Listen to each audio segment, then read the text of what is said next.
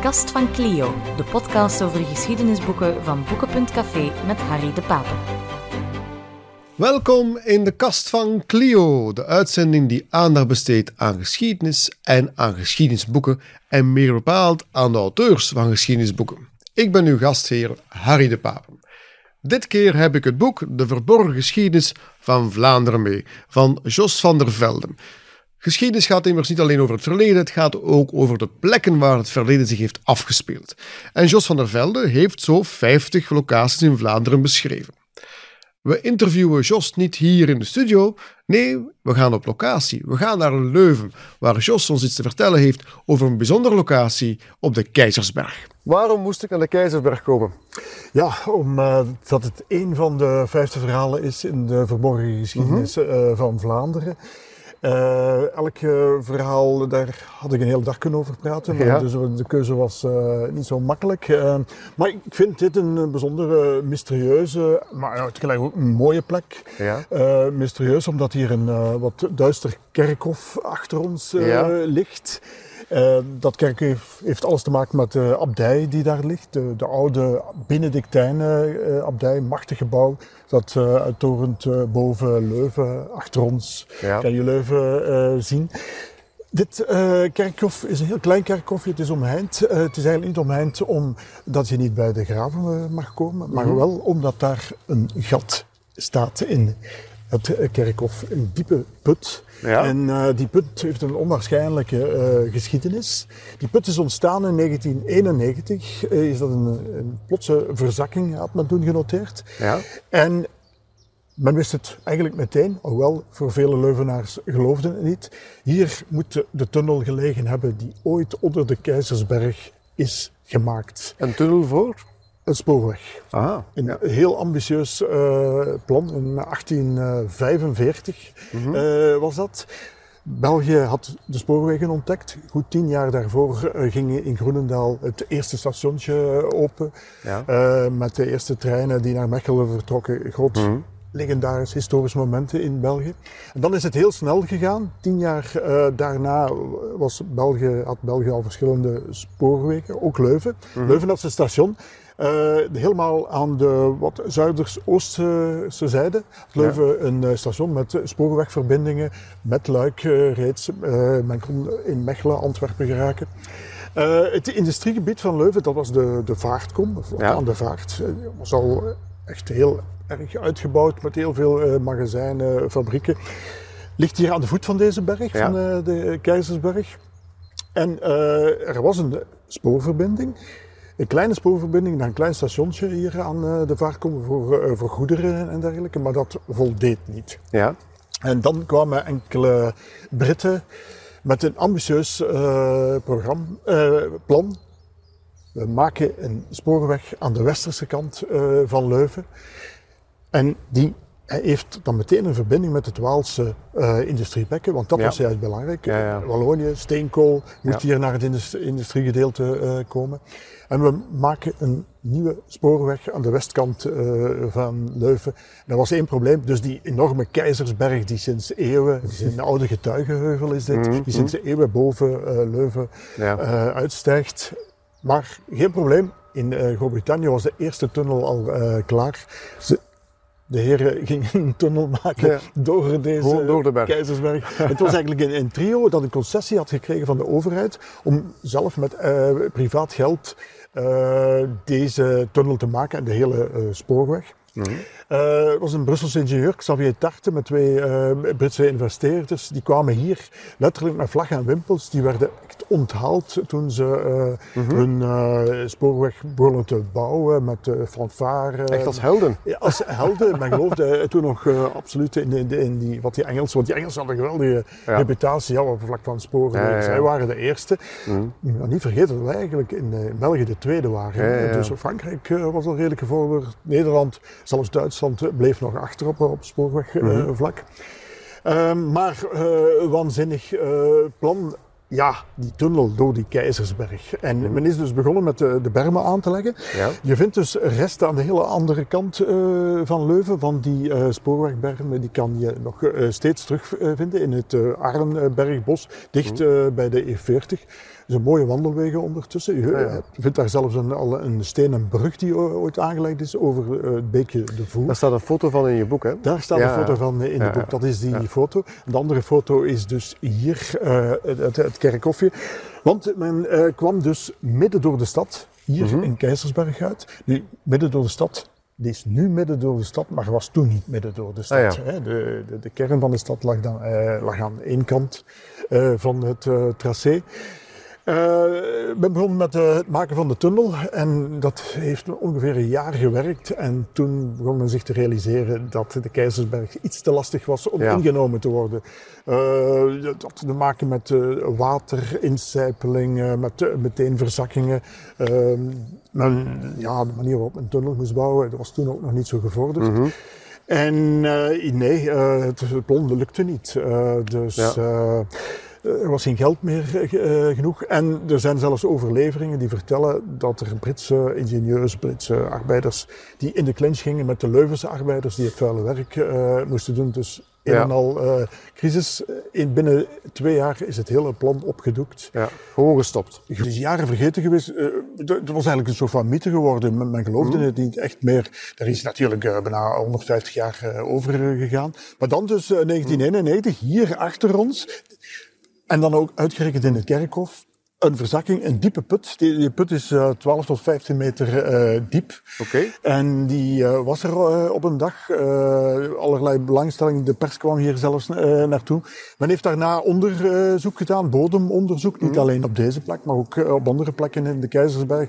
En ja, naar alle waarschijnlijkheid, dit kan bijna niet anders. Hier moet de tunnel gelegen hebben. Die fameuze, eh, mythische tunnel moet hier gelegen hebben.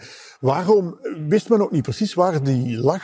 Omdat een, een deel van die eh Keizersberg is afgegraven. Men weet ook niet precies waar, op welke plek de ingang van die tunnel geweest Ja. is. Dus wist men ook niet exact welk tracé zouden ze kunnen Dus gevolgd het is allemaal niet, gedocumenteerd geweest. Nee, nee, eh, Ah, ja. nee. eh, dus we wisten natuurlijk aan die kant ligt de vaartkom en aan die kant eh, wijst naar het Waalse eh Ja, staalbekken, zal ik maar zeggen, en steenkoolbekken.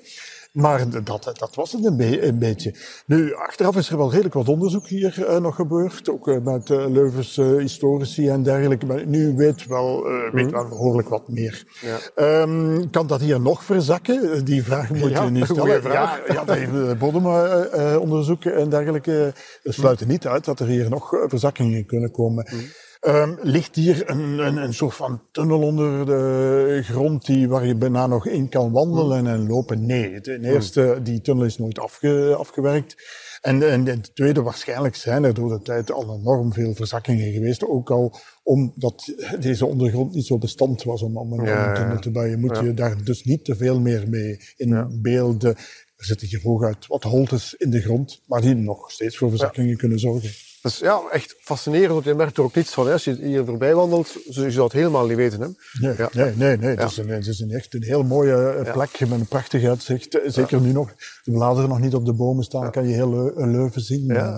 Eh, Je, je boek staat vol van die plekken. Hè. Plekken waarbij je voorbij wandelt en totaal geen besef hebt van wat er gebeurd is. Nee, nee dat, is, dat is nu, dat is mooi samengevat, zou ik zeggen. Ehm, dat is ook de bedoeling. Plekken waar eigenlijk geschiedenis is geschreven, zelfs grote geschiedenis, soms, maar mensen het niet beseffen. Ehm, er zitten totaal on- vrij onbekende geschiedenis in, maar er zitten heel bekende geschiedenis in. ja, hè. Egmond en Horen, Ja, die terechtgesteld zijn op de grote markt. Dat is klassieke, dat is kanonieke Of het huwelijk van eh, Karel de Stout in Damme. in, eh, in Damme. Maar ja, op die grote markten in Brussel of in Damme, daar lopen eh, stromen toeristen en, Mhm. en andere mensen dagelijks voorbij. Niemand weet dat die kassei bloed heeft eh, gevloeid. Ja, ja, ja. Vandaar dat ik dit ook een, een verborgen eh, geschiedenis heb, heb genoemd natuurlijk. Heb je een lievelingsplek? Eh, lievelingsplekken om, om te zijn, dat is natuurlijk niet eh, de, de E40 in Beerden, waar ik ook eh, de geschiedenis van vertel, Ja, ja. van de eerste beton die daar aangelegd is. Eh, de, de, de mooiste plekken zijn natuurlijk plekken zoals hier, waar Ja, de zon schijnt en de vogeltjes fluiten. Ehm, Maar qua verhaal, een verhaal Ja, je zegt, dat is nu iets dat me echt wel triggert. Zo. Ehm, Genk, de bossen in, in, in, in Genk. Ook mooi om, om te zijn. Daar heb ik een bijzonder uh, verhaal, maar me nog steeds uh, begeesterd ook na het uh, schrijven van dit boek. Dat is het verhaal van Max Wenner. -huh. En Max Wenner was een Britse miljonair, een textielmagnaat, die in 1937 aan zijn einde is gekomen in Vlaanderen, in -huh. Genk. De enige keer dat hij Belgische bodem heeft geraakt, was zijn dood. Okay. ja. Bijzonder fijn. Wenner is daar uit een, een vliegtuig gevallen. Uh, boven Genk is hij neergekomen en is daar in de bossen, in de sparbossen van uh, Genk neergekomen. -huh. um, en alles wat daaraan vooraf gaat is een boek waard, is een film waard. Er zijn zelfs, heb ik me laten vertellen, ooit filmplannen geweest. Maar ook dat verhaal is weer vergeten. die bossen, het is Genk, Sledderlo, Terboekt.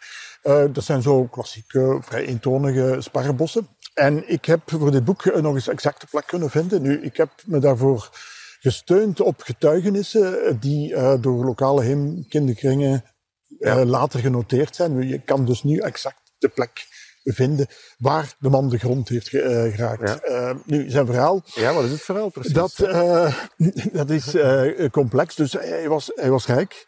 Um, hij was vrij befaamd. Hij had enorme la uh, landgoed in Shropshire, Wales. -hmm. um, en zijn vrouw was gestorven in 1936.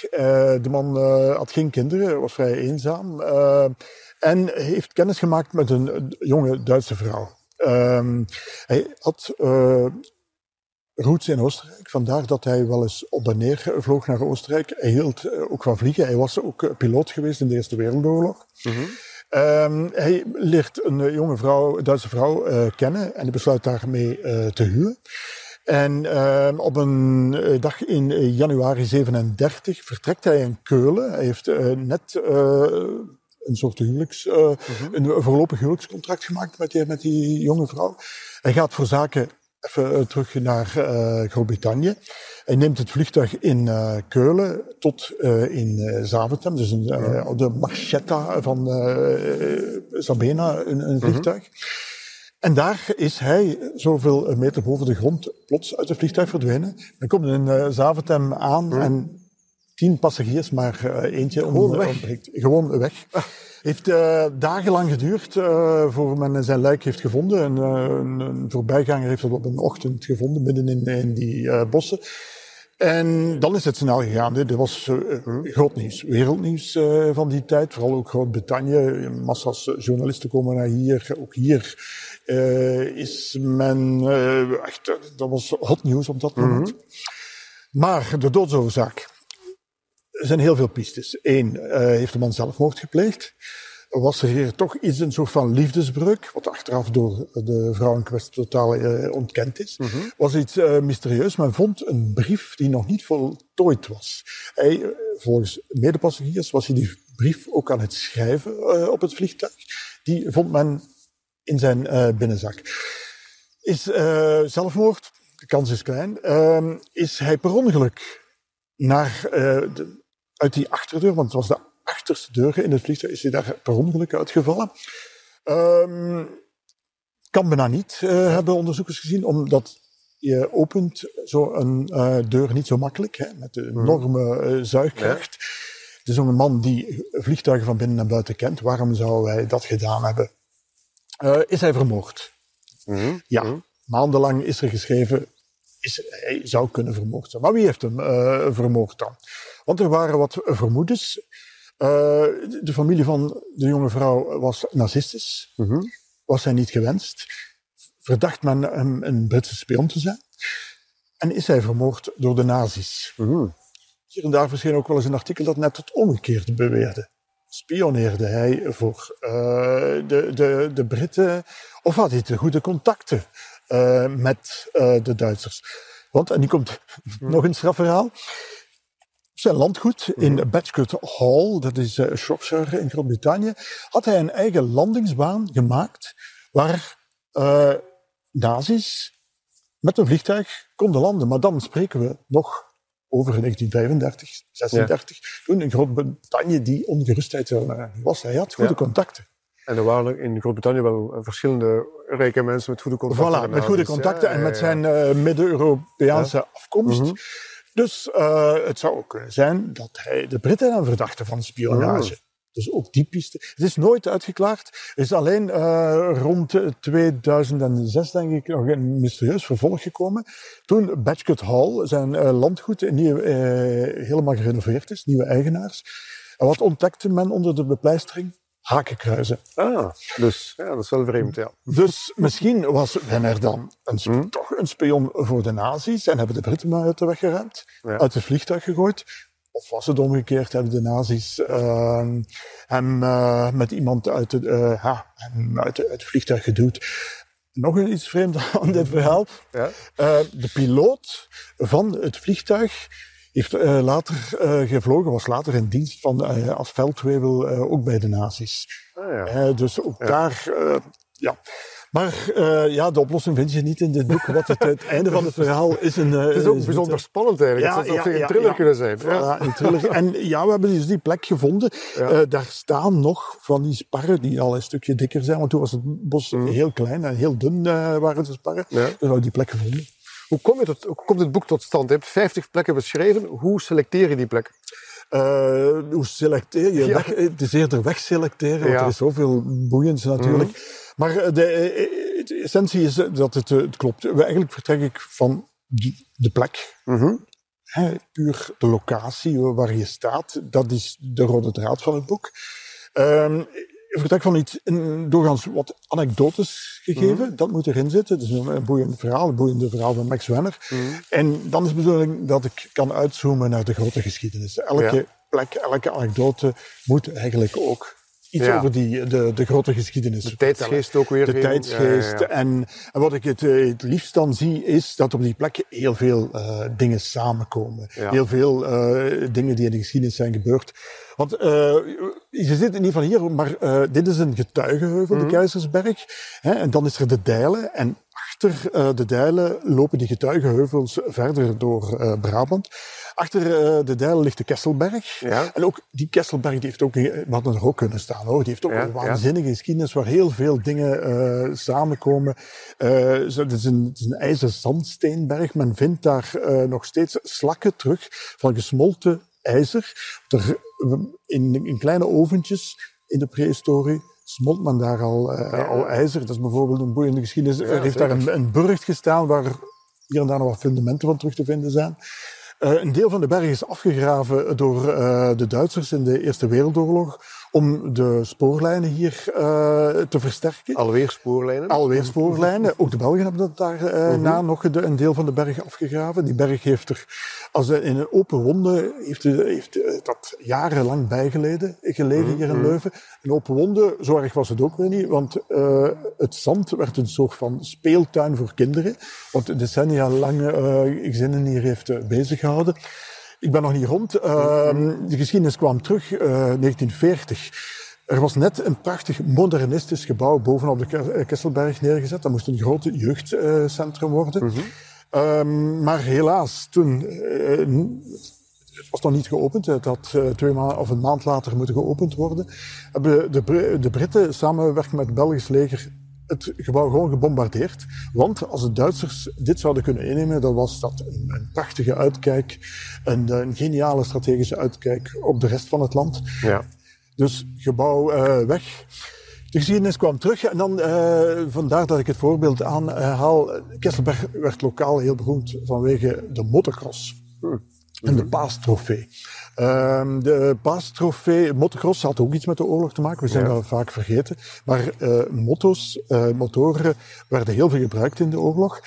Waren ook heel veel relatie, was een deel oorlogsproductie. Uh -huh. Die motoren zijn tussen de mensen gebleven. En de rage van de, de stevige motoren, die is, dat, die is echt, echt doorgebroken. Een gevolgen daarvan. Ja, is echt uh, is een, een, versnelling als uh -huh. het ware. Uh, dus motorsport wat uh, ook al in de jaren dertig hier uh, gebeurde. Ja, in, in, ja. in, in stroomversnelling kwam dat. En bovenop de Kesselberg, daar is dus jarenlang een gigantische motocross uh, geweest. Echt, uh, die was zo luid, omdat het ook bovenop de berg was, dat heel Oost-Brabant kon meegenieten. Okay. Ik heb hem dan de titel ook maar de luidste berg van Vlaanderen genoemd. Mm -hmm. ja. Dus laat zeggen, dit is een stukje ontspanningsgeschiedenis kwam voorbij, maar dan komt de milieugeschiedenis. Uh, zo zou het Want in de jaren 70 de, stijgt de Vrevel, uh, die prachtige berg, uh, die wordt steeds meer uitgehold, want dat circuit levert veel schade op. Ook archeologen die zich zorgen maken om die boeiende berg. Er komt protest, milieuactivisme lokaal en, en dergelijke. En kijk, uh, de motocross verdwijnt. Het is echt een schakel van geschiedenis. Hè? Een schakel van geschiedenis. En, ja, ja. In, in, zo kom ik terug bij wat ik op die plekken eigenlijk zoek ik liefst meerdere geschiedenis. Dingen die samenkomen, die samenvloeien. En uh, dat, dat is zo mooi ik, ik voel aan wat je vertelt dat je bij 50 nog niet klaar bent. Nee, helemaal niet uh, klaar. Maar we werken nu uh, aan, het, uh, aan het tweede deel, dat hopelijk eind dit jaar, begin volgend jaar verschijnt. Opnieuw met prachtige foto's van Alexander Dumaré. Alexander Dumaré. Ja, samen foto's, gaan we, reizen we het land rond. Vinden we foto's heel belangrijk, vooral op de manier waarop hij ze maakt. De dingen zoals ze nu zijn, zonder tierlantijntjes, zonder filters, zonder ja. Photoshop. Eigenlijk zoals als ze nu zijn. En soms zijn ze mooi soms zijn ze ja, ja, lelijk. je ehm, gaat van mooie plekken naar gewoon een, een, een autostrade. Naar, ja. het is zo, hè? Het, het, is afbeelden wat er is. Hè? Ja. ja zeer mooi. Um, ook het contrast met de oude prentkaart vind ik ook wel heel, heel fijn. Hè? Dat je dan het oude landschap kan zien met, met uh, het nieuwe landschap. Is er, is er één verhaal waarvan je het tipje van de sluier kan lichten van het nieuwe boek? Of? Uh, een tipje van de sluier. Ik kijk uh, nu uh, naar het noorden. Ja. Ik, en we hebben het toch al vaak over spoorwegen gehad, ja. dus zullen we dat vandaag Dat is een mooi om af te sluiten. Ik heel erg verdiept in de geschiedenis van Hofstade, het hm? domein van Hofstade. Het is geen onbekende geschiedenis, dat nu ook weer niet. Het Blozo domein. Het Blozo domein, Nieuwsport hm? Vlaanderen. Maar het is, het is een, dit, dit, was er nooit geweest zonder de Belgische spoorwegen. Hè. Dit Blozo domein, de, de water putten, die zijn uitgegraven om een gigantische spoorwegberm te maken tussen de spoorlijn uh, Brussel, Mechelen, Antwerpen en een omweg die men op dat moment uh, wilde maken via Muizen, via Mechelen, een omweg. En uh, er was alleen één probleem om die omweg te maken. Het was daar een, soort van dal, zal ik maar zeggen. En we hadden al een enkele belangrijke verbindingswegen, zoals de Tervuurse steenweg die toen al aangelegd was. Dus die spoorlijn, om die, die moest veel hoger uh, liggen. En dit is een, uh, het grondverzet dat daar toen uh, gebeurd is, dat doet een beetje denken aan nu oh, de Oosterweelverbinding, wat daar allemaal ja, ja. Voor, voor nodig is. Vandaar dat je daar uh, die spoorwegverbinding nu ook nog steeds ziet. Die ligt heel hoog. Mensen die uh, in het mhm. Mechelse wonen zullen ze zeker uh, kennen. Maar al die grond is uitgegraven met de hand. En dat zijn de putten van, van Hofstade ja. geworden. Um, het was aan, aanvankelijk niet de bedoeling dat dat voor vertier en, en voor zwempartijen was. Maar de mensen in de jaren twintig gingen daar al dan niet illegaal zwemmen. Soms gevaarlijk. Er zijn heel veel uh, slachtoffers geweest uh, in, die plek. Mm -hmm. Maar die mensen eigenden zich hofstaden toe, eigenden zich de waterputten toe.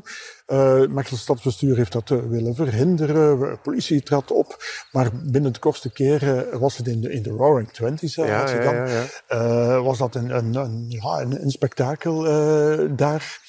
En uh, men heeft uh, een paar keer gepoogd mensen daar weg te houden, lukte niet. Men wilde drinkwaterbassins maken van, uh, van, van de putten voor om mhm. drinkwaterbevoorrading van Mechelen. dan heeft men zich in de jaren dertig maar bij neergelegd en is het eigenlijk een soort van een eerste vorm van echt recreatiedomein geworden. En dan zijn er gebouwen uh, neergeplant, mooie gebouwen. Ook heel, dat is ook uh, de tijd van massatoerisme dat opkwam, hè? Ook ja, in die tijd, ja, ja. En dan is natuurlijk die, opnieuw die vreselijke oorlog uh, gekomen. Die heeft daar heel veel schade mm. aangericht.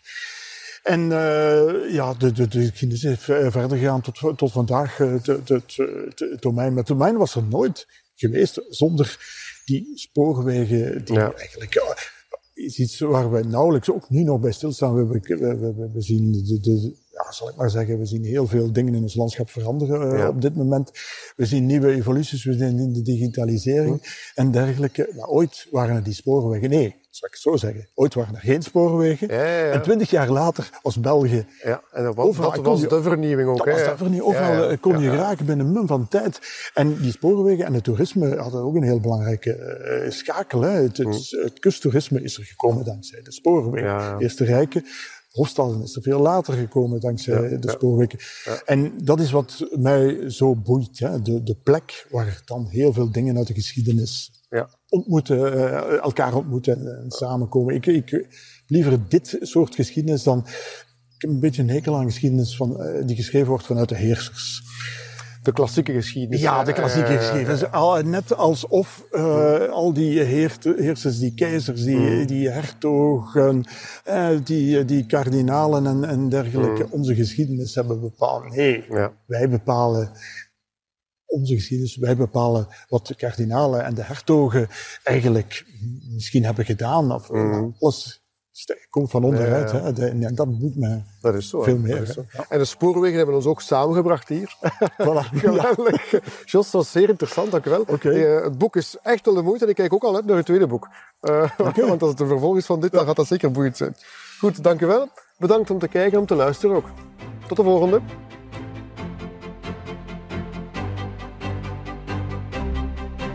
Dit was een aflevering van De Kast van Clio, de podcast over geschiedenisboeken van Boeken.café met Harry de Pape. Volg onze podcasts op boeken.café slash radio of via je favoriete podcastkanaal. Alle boeken die ter sprake komen in onze podcasts zijn natuurlijk beschikbaar op boeken.café. Volg daar je favoriete auteurs en boeken en maak rechtstreeks contact met de auteur en met andere lezers. Je krijgt bovendien gratis verzending vanaf 30 euro en een gratis boek voor elke aankoop vanaf 50 euro.